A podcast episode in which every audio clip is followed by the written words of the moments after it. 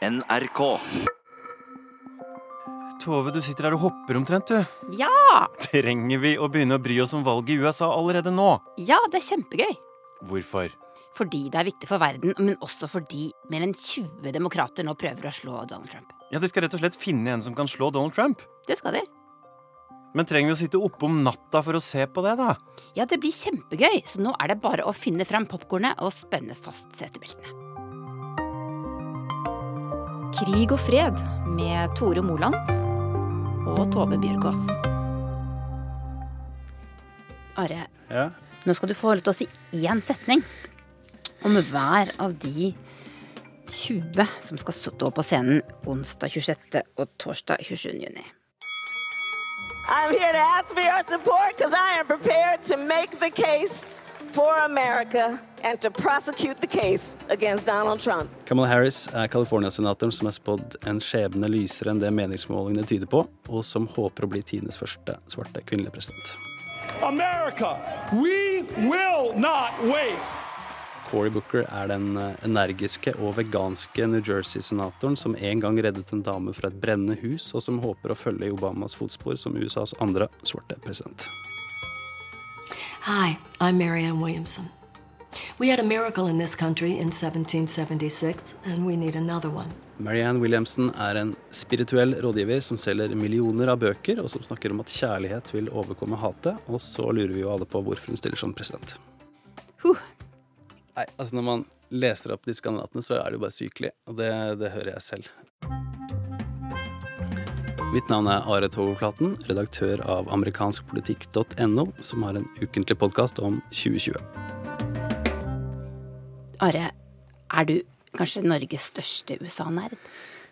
Det er en hedersbetegnelse dersom det skulle stemme, eh, i et land med så utrolig mange USA-eksperter, selverklærte og reelt eller ikke. Eh, Jeg syns det er veldig gøy med, med amerikansk politikk, eh, og særlig valgkamp. Og når det nærmer seg nå, så er det jo begynner å krible litt.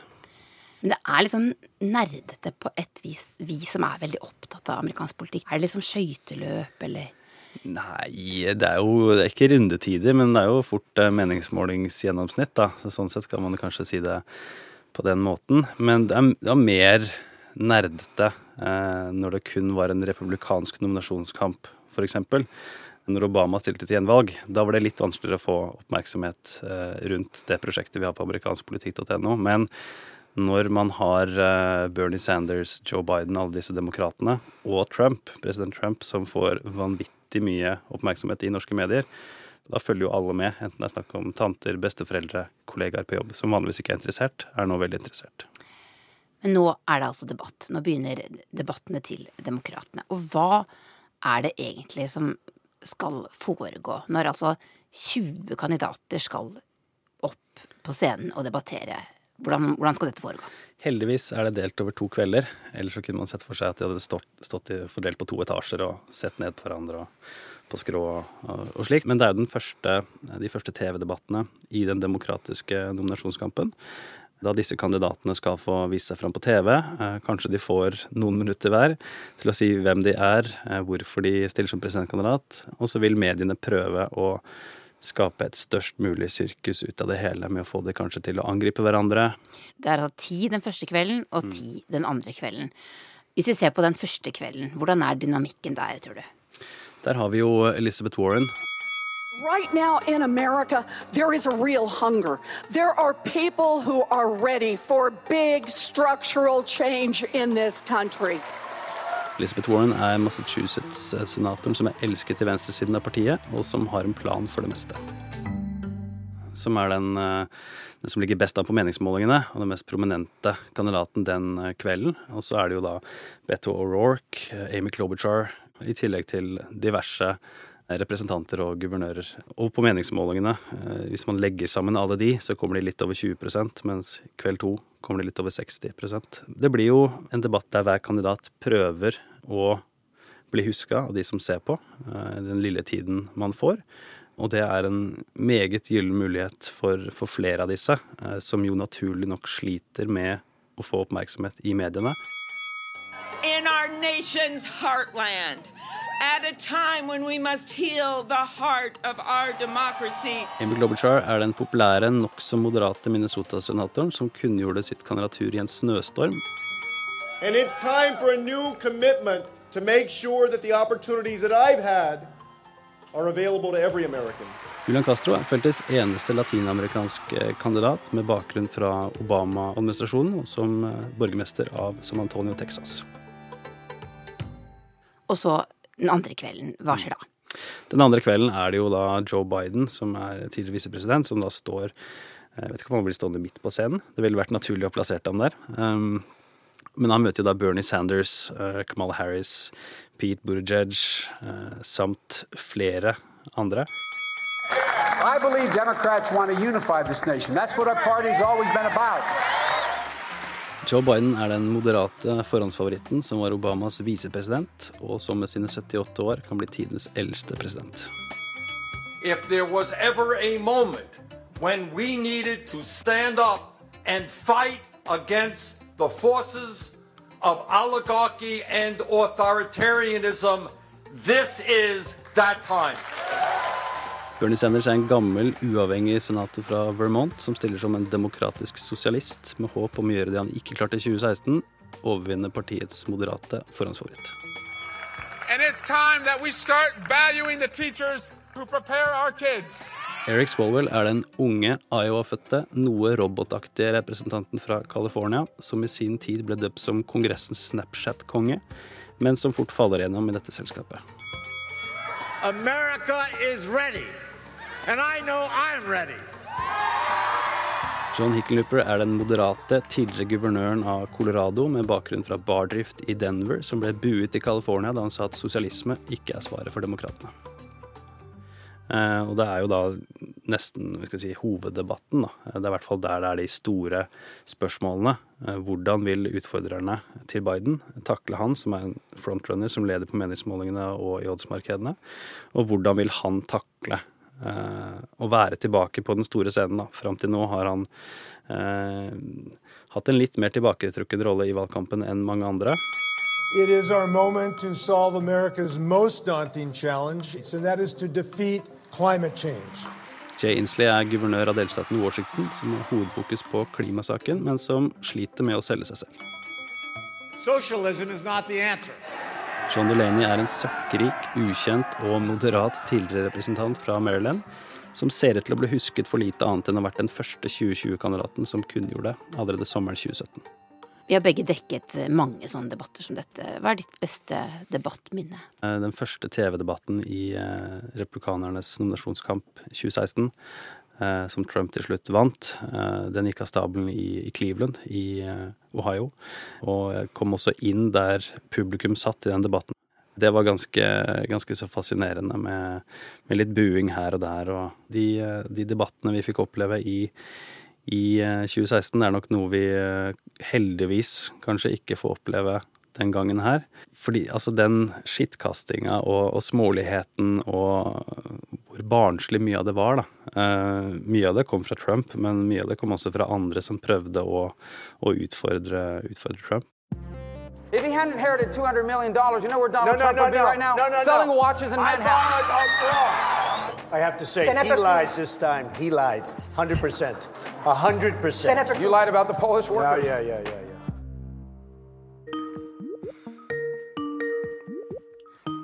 Det er jo egentlig før avtalt. Hello? Can you hear me? Hello? Alex? Hello? Yep, my name is Alex Conant. I'm a partner at Firehouse Strategies. I was Marco Rubio's communications director when he ran for president. So, what did you say to Marco Rubio uh, back in, in, in 2015? I guess is when the first debates where there were 17 candidates back then, so almost the same yeah, number. I mean, we, we try to we try to predict what the questions are going to be, and then you want to figure out who you're really running against. There might be a lot of candidates on the stage, but at any given moment, there's probably only two or three that you're really worried about. So you want to make sure that you have good lines of attacks for for those candidates and good responses in case they attack you it, it takes a lot of practice. I think uh, it's the only time when you have a big national audience and they're comparing you directly with the other candidates. So you have to prepare for it. And how did you prep for Donald Trump? But Donald Trump's hard to prep for because he is so hard to predict. Uh, we were just talking about how he tried to predict what the questions and answers are going to be. Uh, but Donald Trump, you never know what he's going to say. So for Trump, for the first couple of debates, frankly, we just tried to ignore him and we tried to stay focused on our own message.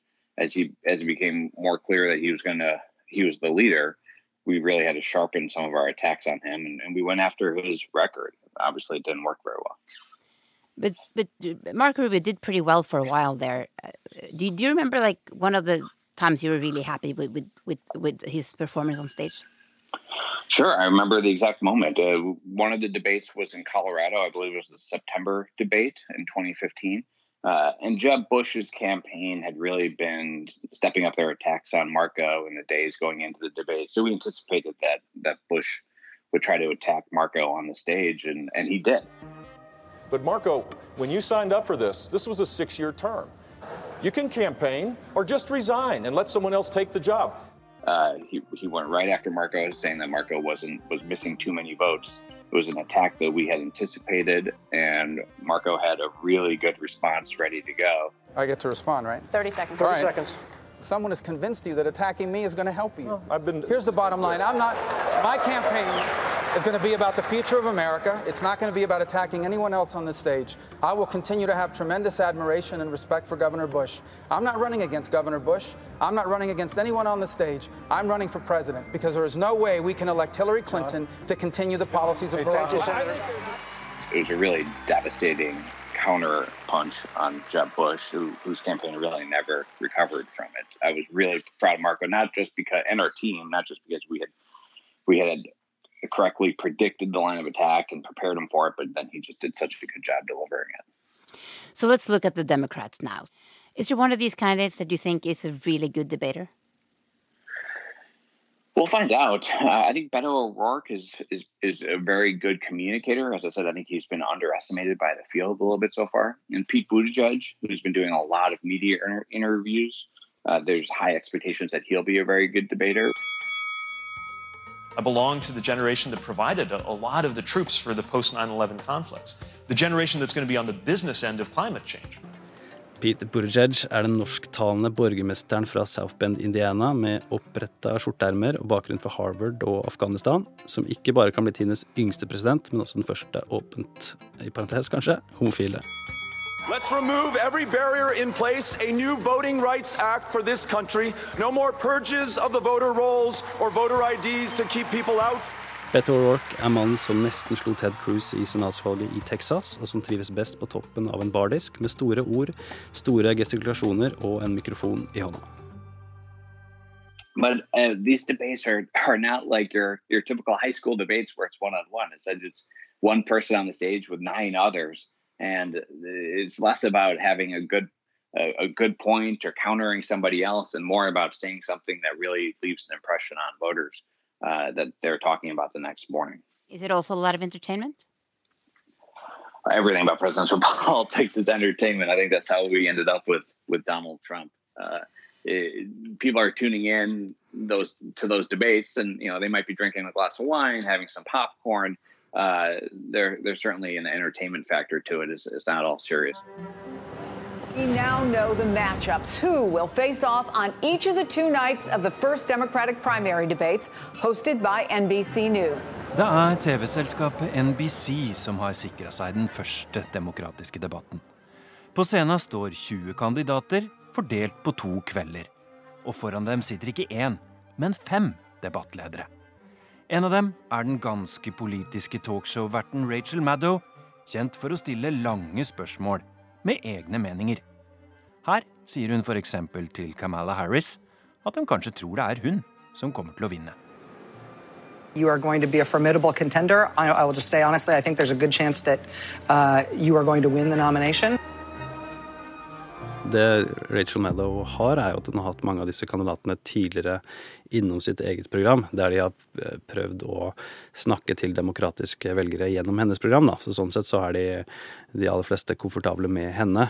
Du som har fulgt amerikansk valgkamp tett, eh, Tove, det har jeg også gjort. Når man ser disse TV-ankerne på, på, nært hold, så skiller de seg litt ut fra disse avisjournalistene, gjerne, som, som er de som, eh, som løper rundt og får får sitater og, og virkelig jobber valgkampen gjennom, da.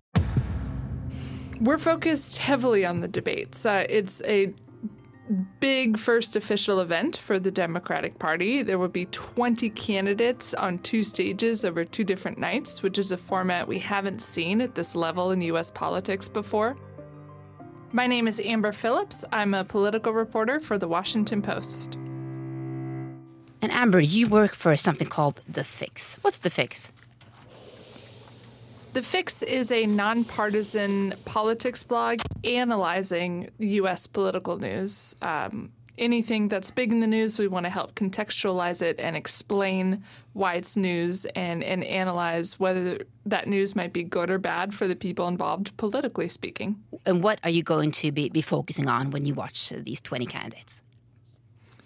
So I'm really interested to see um, how that format changes the way U.S. political debate works. I'm also interested in the fact that we have a record breaking number of female candidates running for president uh, on the debate stage, six in total. That's a big deal. Now is not the time to be polite. Now is not the time for small steps. Now is the time to fight like hell. Kirsten Gillibrand det er New York-senatoren som tok over setet til Hillary Clinton, som har slitt med å få oppmerksomhet. stand up against powerful politicians from both parties who sit in their ivory towers thinking up new wars to wage, new places for people to die. Tulsi Gabbard er kongresskvinnen med militærbakgrunn fra Hawaii som støttet Bernie i 2016. I've also heard people talk about things like that some of these candidates, for instance, Kirsten Gillibrand, that her voice is too high pitched, or that that Elizabeth Warren is too angry, or, and that is different when you're a woman than than if you were a man. Hillary Clinton also talked about this a little bit that she had to behave differently because she was a woman. Do you agree with that? Research shows that Hillary Clinton was partially right when she said she had to behave differently because she is a woman, that she uh, faced misogyny, which is, she said, one of the reasons she lost. What we're hearing this time around in 2020 is exactly what you said. There are critics, um, perhaps potential voters. Uh, and even pundits asking whether these women can win because in part, are they likable enough, which is a big sort of red flag for questioning whether a woman. Um, whether a woman's gender matters when she's running for office, because research, research shows that voters will vote for a man in America if they, even if they don't like him, but if they, they think he's the best candidate or the right party, they need to like a woman before they can vote for her. So questions like is she likable enough? Is her voice too shrill? Is she too angry? Uh, is she wearing the right clothes? Are all red flags for this broader question of is a woman being treated differently running for office than a man? And the answer so far in American politics has been unequivocally yes, women have to meet different standards than men. And what can we do about that? The experts I've talked to who study this research and, and advise women behind the scenes in politics say that we need to do what's happening right now, which is a bunch of women running for office at the highest levels. Uh, Elizabeth Warren, in particular, is is one of the top tier polling candidates. Uh, that's a big deal, and and not something to go unnoticed. And just the more women who try to run for office. Um, they research shows that they win at the same rate as men. It just takes more of them running, trying to normalize these situations, and they do have to overcome more. I have to ask you uh, finally, uh, how are things at the Washington Post these days? Uh, it's fabulous. It, we have a very strong, talented, growing political team. We have so many campaign reporters spread out all over the country, uh, following these candidates. It's it's a place that I'm very proud to be a part of. And you also have a president who just tweeted uh, very like in these last couple of days that uh, he he doesn't think that your paper is going to be around in six years. Yeah, he he says that a lot, and we're we're doing our keeping our heads down every day and doing the work. Um, that we need to do to, to be a major U.S. political newspaper. But what is it like being a journalist when you have a president attacking actually your the, the paper that you work at in that kind of way? Uh, it's I, I, think everyone goes about it their own way. I tend to try to keep my head down and and focus on like what I can do and how I can do it best uh, to be the best representative for the Washington Post. First, we do Make America Great Again, then we do Keep America Great. Let me hear it. Ready? Make America Great Again. President Donald Trump lanserer sin kampanje for å bli gjenvalgt i Florida. På republikansk side er han foreløpig fullstendig uten konkurranse i feltet for 2020. Og statistisk sett burde han også ha gode muligheter til å bli sittende som president. For det går jo så bra med økonomien. Hvordan kommer Donald Trump til å påvirke disse demokratiske debattene i år?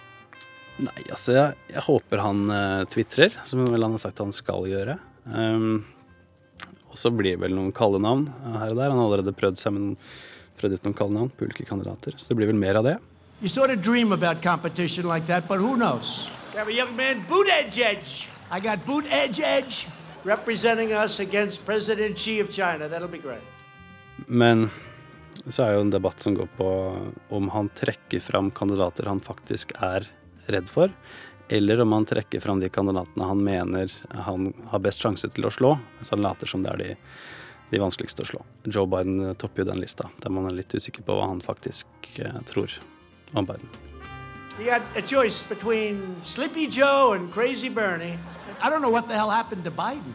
Sleepy person said that he heard from a lot of foreign leaders and they want him to be president. Of course they do. So they can continue to rip off the United States, of course. And Bernie, you know, Bernie's crazy. But Bernie's got a lot more energy than Biden, so you never know. No, no, Bernie's got a lot of energy.